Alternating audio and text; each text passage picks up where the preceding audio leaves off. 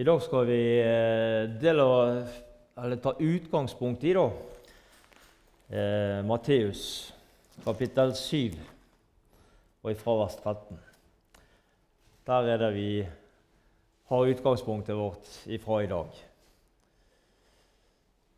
Matteus kapittel 7 og eh, fra vers 13. Vokt dere for de falske profeter. De kommer til dere i sauehom, men innvendig er de glupske ulver.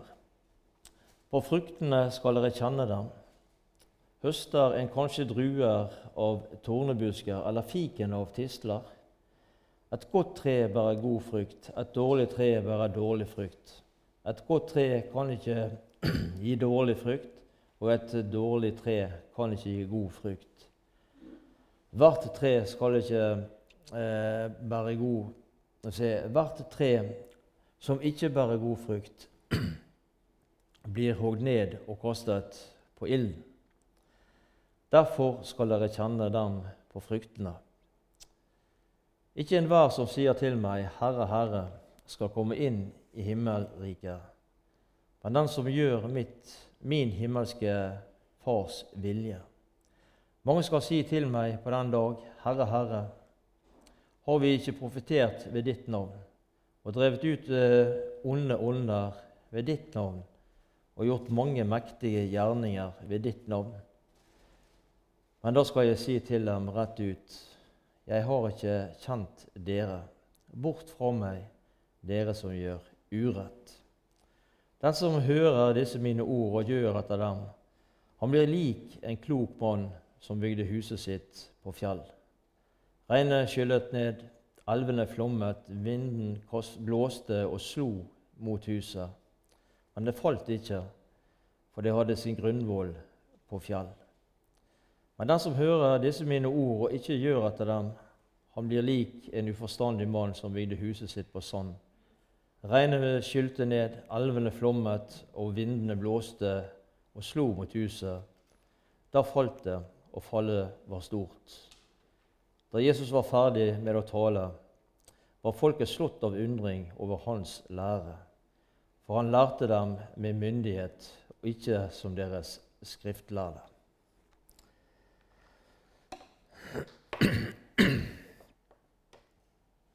Nå, Det vi leste nå, det er på slutten av det vi kaller for bergpreiken.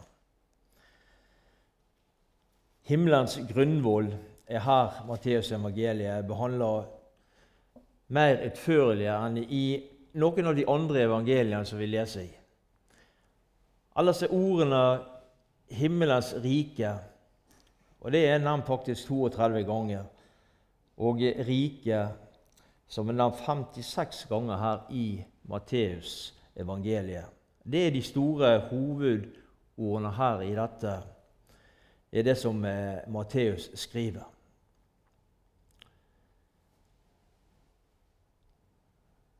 Den smale veien er overskriften på de eh, versene som vi leste til å begynne med her i dag. Den smale veien. Jeg har eh,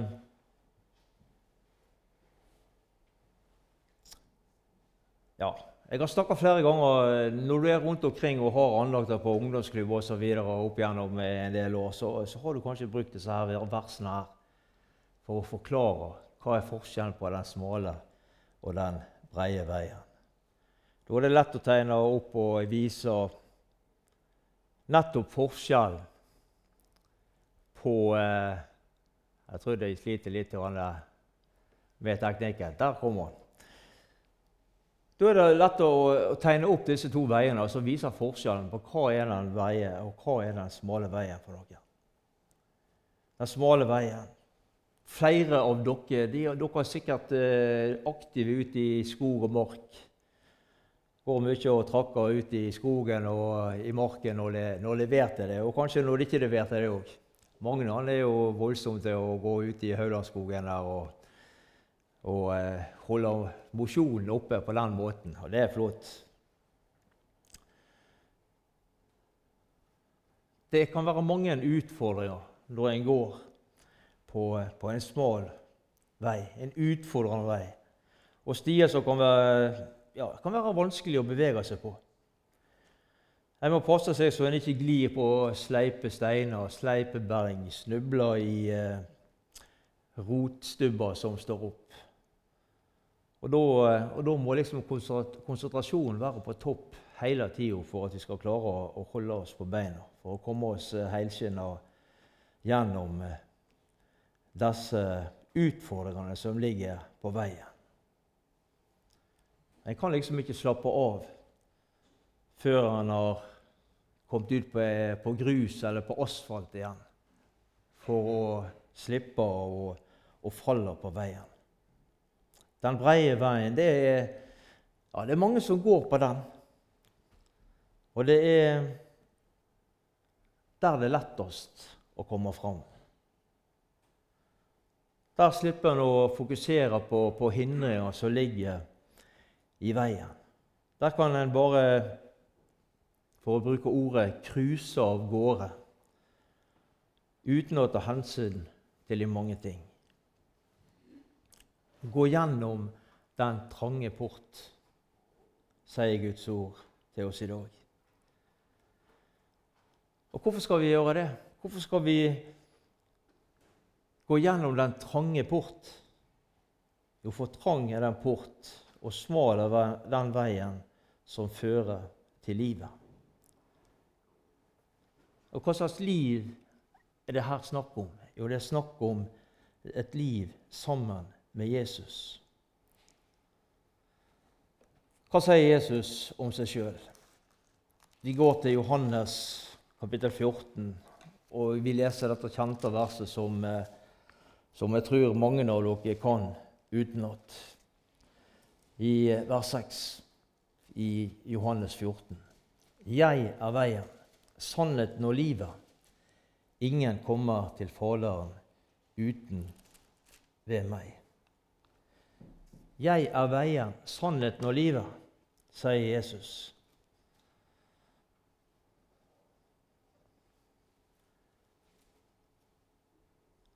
Der er kun gjennom Han og det som han har gjort, at du kan, eh, kan komme deg gjennom denne trange porten som vi las om litt tidligere. Det er ingen annen mulighet. Det er ingen sideveier å ta.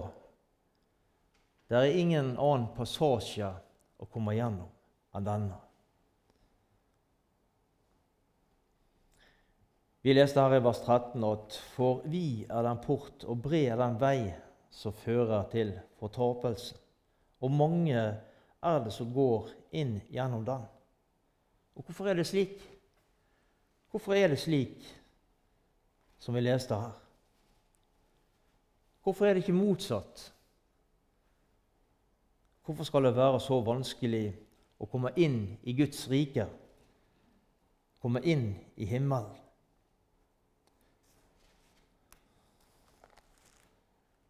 Matteus, eller Markus kapittel 10 skal vi lese noen vers ifra. Markus kapittel 10 og ifra vers 25. Markus kapittel 10 og fra vers 25. Det er lettere for en kamel å gå gjennom et nåløye enn for en rik å komme inn i Guds rike. Da ble de enda mer forskrekket og sa til hverandre.: Hvem kan da bli frelst? Jesus så på dem og sa, For mennesker er dette umulig, men ikke for Gud. Alt er mulig for Gud. Alt er mulig for Gud. I oss sjøl så, ja, så har vi ingen mulighet. Der er ikke mulighet å komme inn ut av oss sjøl. Bare gjennom Jesus og det han har gjort for oss. Han som er veien, sannheten og livet.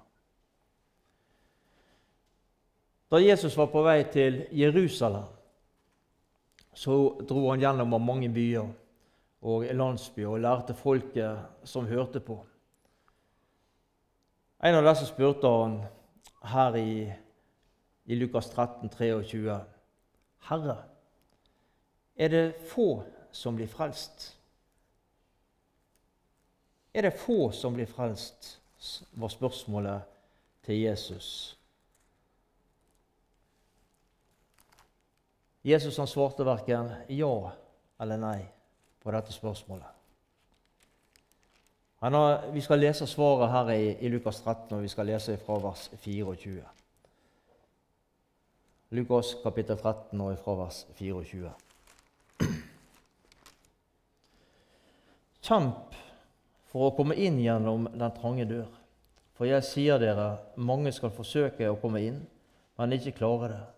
Når husbonden først har reist seg og lukket døren, og dere står utenfor og banker på og sier, 'Herre, lukk opp for oss', da skal han svare, 'Jeg vet ikke hvor dere er fra'. Da vil, da vil dere si, 'Vi har jo spist og drukket sammen med deg', og du har undervist oss på gatene våre.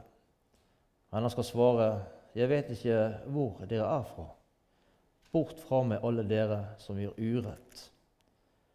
Da skal dere gråte og skjære tenner, for dere skal se Abraham og Isak og Jakob og alle profetene samlet i Guds rike, mens dere selv er kastet utenfor. Fra øst og vest og fra nord og sør skal mennesker komme og sitte til bords i Guds rike. Noen av de siste skal bli de første, og noen av de første skal bli de siste. Det kommer nok helt sikkert overraskelser den dagen vi kommer til himmelen. Mennesker som vi kanskje ikke hadde trodd skulle være der, er der. Og mennesker som vi ikke hadde venta å se, eller som vi hadde venta å se, er der ikke.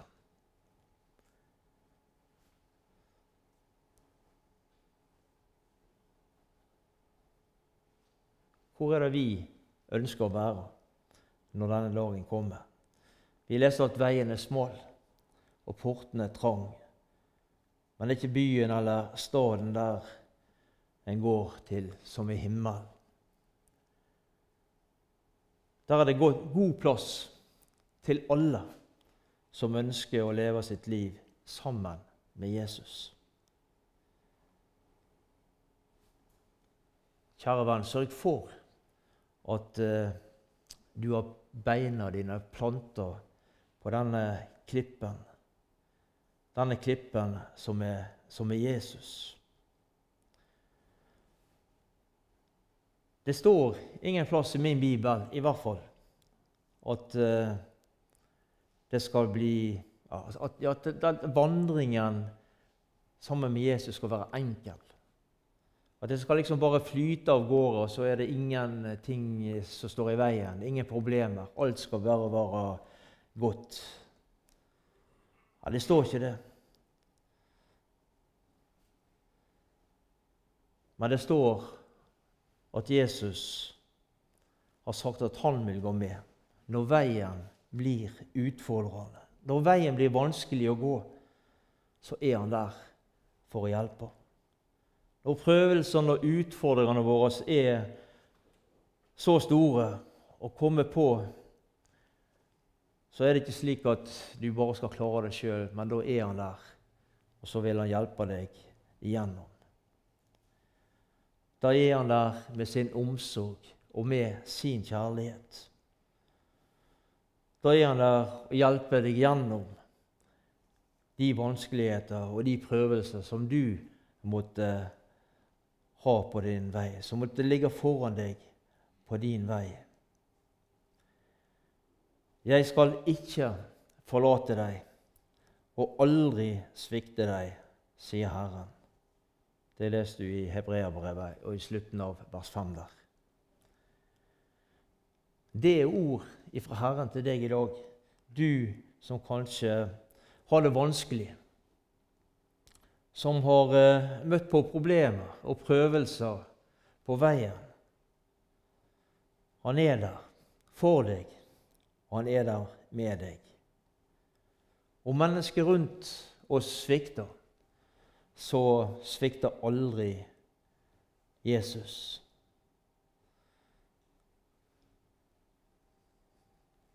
Dette skal vi få lov til å, å hvile i.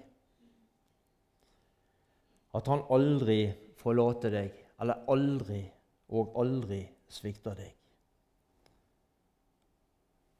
Selv om kjære venn deg svikter, synger vi en sang. Aldri svikter deg Guds sønn. Det er slik at en, en bedre venn kan dere aldri finne. Dere kan aldri få en bedre venn. Nå har det gått et program på TV lørdagene eh, Bestevenn eller noe sånt. Jeg husker ikke helt hva, var, hva formuleringen var. Men i hvert fall, når jeg, eh, når jeg, leser dette her og ser dette her Du kan aldri få en bedre venn enn Jesus.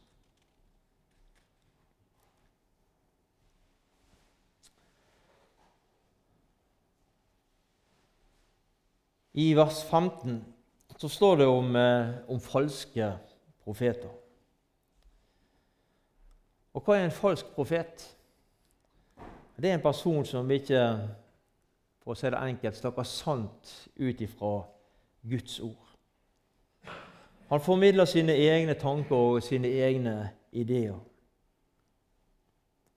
Akkurat slik som det er to veier slik, det, slik som vi leste om i teksten, så er det Ja. Så er det to veivisere, kan vi si. To veivisere. Sanne og falske profeter. Når Jesus advarer mot de falske profetene, så sier han at eh, de skal ta seg i vare for deg. Dvs. Si, holde seg borte fra deres innflytelse. Ikke være opptatt av dem. I den uh, nytestamentlige tid som vi, som, vi, som vi, leser om her, så, så, ble det virkelig en stor utfordring dette for, uh, for menighetene. Det var, det, var et, det var, vanskelig. Det var mange som mente mye. Og det ble et problem mange plasser. Og Paulus han advarer mot de falske profeter som skulle, som skulle oppstå blant de kristne. Og Vi leser i apostelgjerningene. Da skal vi lese hva Paulus eh, skriver om, om dette.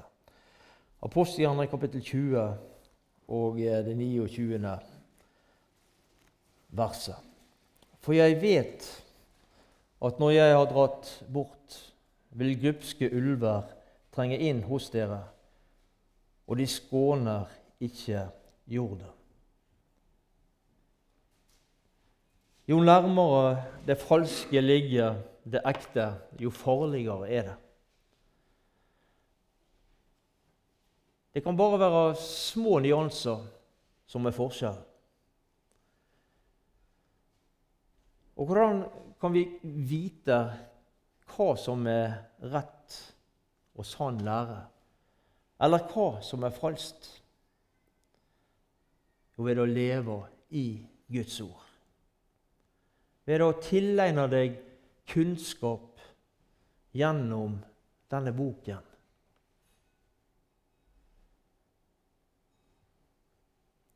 Hvordan skulle du kunne skille mellom rett og galt hvis du ikke kjenner Guds ord? Da er det jo et lett bytte for de falske profeter, den falske lære. Vi skal lese i eh, 2. Peters brev. Vi skal ta det med oss også. 2. Peters brev, kapittel 2. Vi skal lese først vers 1 der.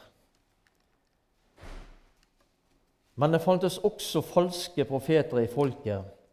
På samme måte skal det opptre vranglere blant dere. De skal lure inn eh, vranglere som fører til undergang, og til og med fornekte dem. Herre, som har løskjøpt dem.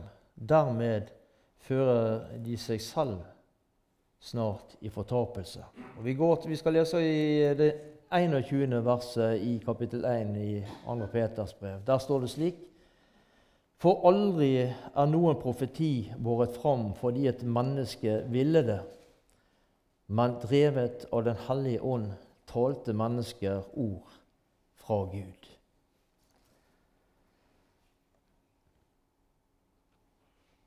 Vi leser i vers 15 her i kapittel 7. Når jeg leste dette her for en stund siden, så, så kom jeg til å tenke på et eh, menneske som jeg hadde en samtale med, og det er mange år siden.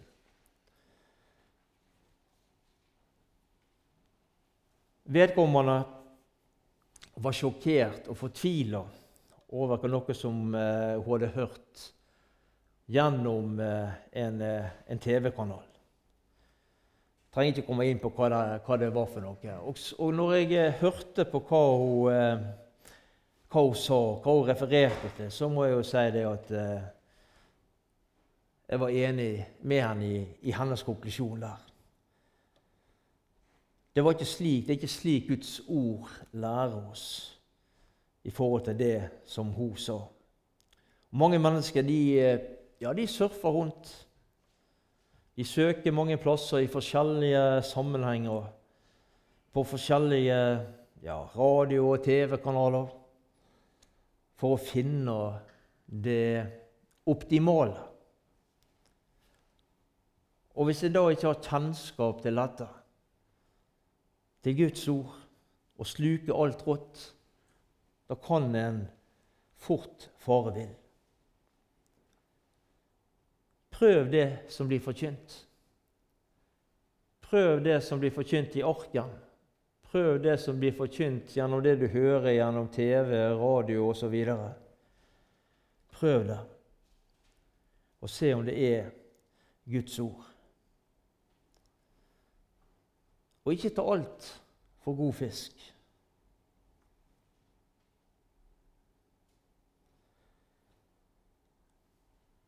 Og For å kunne gjøre dette så er det så utrolig viktig at du sjøl har kjennskap til det som står der. Er det som står i Guds ord. Og Vår bønn må virkelig være det at Den hellige ånd får, får eh, lyse opp ordet for oss når vi leser, at vi forstår det vi leser det er, viktig, det er viktigere enn noen gang at vi kjenner Guds ord, slik at vi kan stå imot når de falske profeter, den falske lære,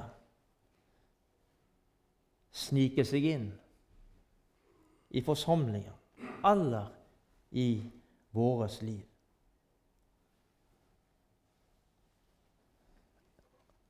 Jeg er glad for at denne her personen som jeg, som jeg refererte til, reagerte på den måten som eh, vedkommende gjorde. At vedkommende ble uroa over det som hun hadde sett og hørt, og at dette ikke var ifra Guds ord. Det, sam, det var ikke noe samsvar mellom det som hun hadde lest i, i Bibelen i Guds ord.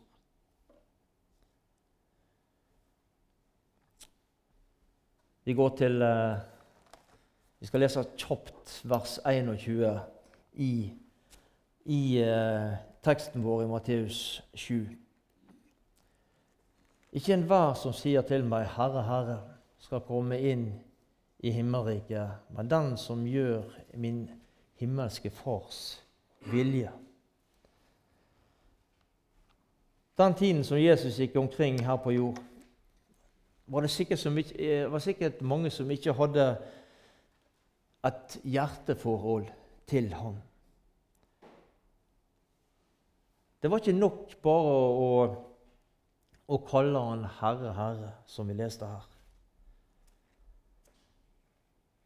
Jesus han sa at han var Guds sønn. Og den som eh, skulle inn i himmelriket måtte gjøre hans vilje, leste vi. Og slik er det også i dag.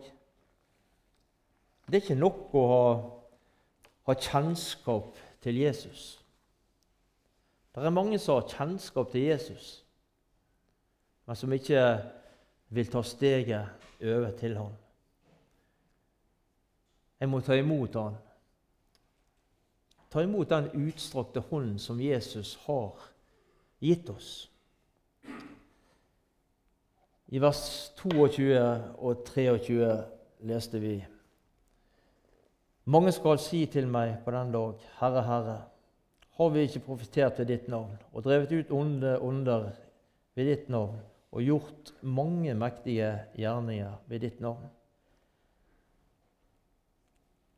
Men da skal han si til dem rett ut.: Jeg har aldri kjent dere, bort fra meg, dere som gjør urett. Der er noen som eh, prøver å, å arbeide seg inn i Guds rike.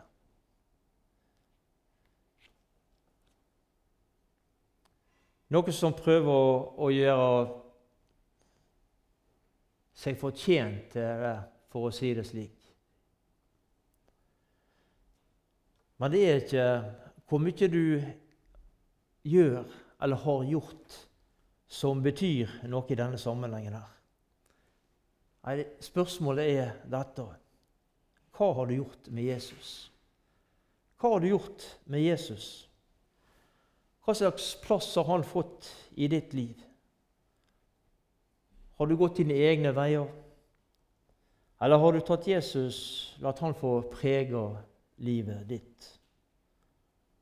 Har du stolt på Jesus og det han har gjort for deg? Hva har du gjort med Jesus? Det er spørsmålet som vil bli, som vil bli spurt en dag. Salme 1, vers 6.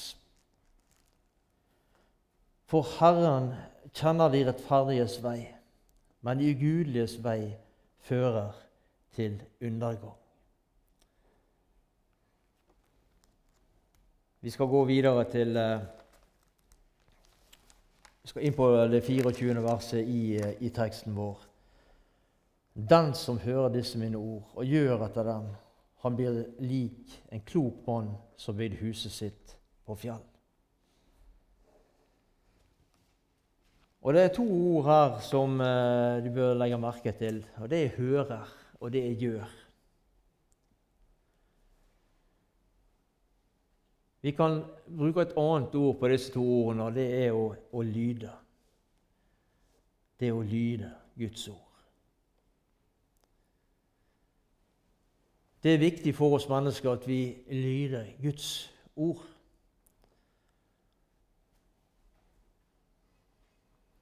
Å leve, det er å bygge. Og det er å eh, Å leve, det å bygge. Og det er bare to grunnvoller å bygge på. Og det leste vi om i teksten som vi har hatt i dag. Enten er en forstandig og eh, bygger på fjell, eller så er en uforstandig og bygge på, et, eh, på en grunn som, eh, som, svikter.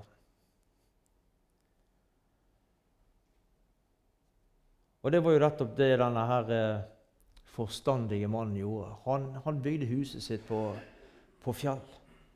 Og når eh, regnet kom, kom den gangen der som vi leste om, så, så høljer det ned.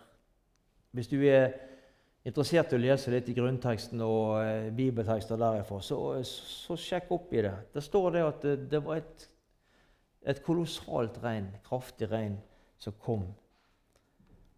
Og allikevel så eh, sto dette huset Det ramla ikke sammen. Denne mannen som eh, bygde huset sitt på sand, han eh, opplevde det motsatte. Når regnet kom, så, så klarte ikke dette byggverket å stå. Så raste det sammen.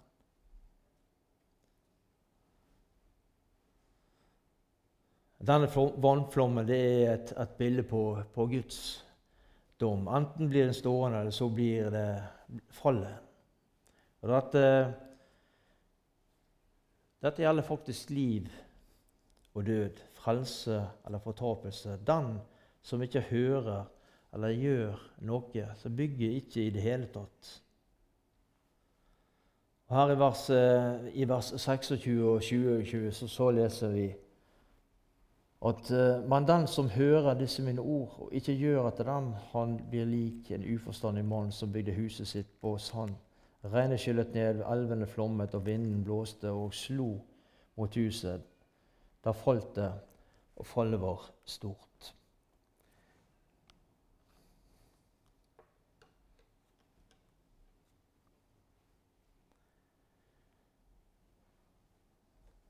Vi skal få lov til å bygge bygger våre liv på, på fast grunn, på klippen Jesus. Den vil aldri svikte. Uansett hvor mye regn og hvor mye flom, for å bruke å være i bilder, som kommer. Det fins ja, det fins ingen som Jesus. Vi synger i en barnesang og barnesanger er ofte enkle, og det er kanskje det enkle vi har lettest med å forstå. Ingen er som du, ingen over og ingen ved siden. Ingen er som du.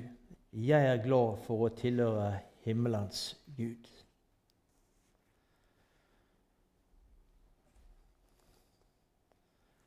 Du som har møtt Jesus, du har noe fantastisk i vente. Enten vi lever når Jesus kommer igjen eller ikke, det, det vet vi ingenting om. Men du har noe fantastisk i vente. Én ting er i hvert fall sikkert, at den dagen det her er snakk om, den nærmer seg med stormskritt. Snart så er vi der, hjemme, hjemme hos Jesus. Og alt vi har slitt med av prøvelser, utfordringer, sykdom osv. her i livet. Det er lagt bak oss. En evighet i herlighet sammen med Jesus. Det er det som venter oss. Hvilken dag det skal bli når min Jesus jeg får se. Og for hans fot jeg kner ned, for han som døde i mitt sted. Når han tar meg i sin favn og leder meg til løftets land, hvilken underfull dag det vil bli. Det blir en underfull dag. Det blir en fantastisk dag. Og Jeg håper du har fokuset vendt mot det som skal skje der framme en dag. Det er veldig lett for oss å ha fokuset vendt ved det som skjer her nede. På alt det som skjer rundt oss, og på de vanskeligheter og problemer vi har. Men prøv å rette blikket oppover. Prøv å rette blikket på det som skal skje der framme en dag.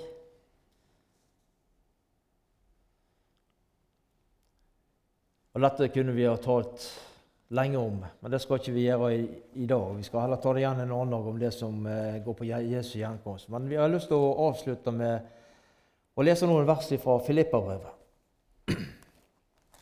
Der står det i Filippabrevet Filipperbrevet kapittel 3 og vi leser ifra vers 17.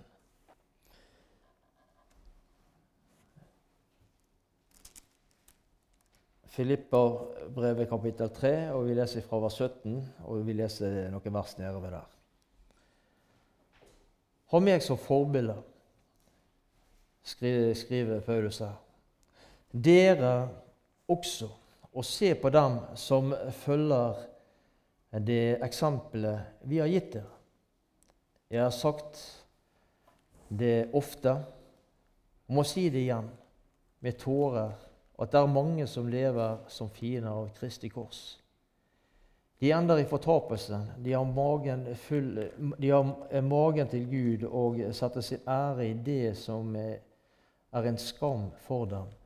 Og de er bare opptatt av jordiske ting. Men vi har vår borgerrett i himmelen. Og Derfra venter vi Herren Jesus Kristus som frelser. Han skal forvandle vårt svake og forgjengelige legeme, så det blir likt det legeme han har i herligheten.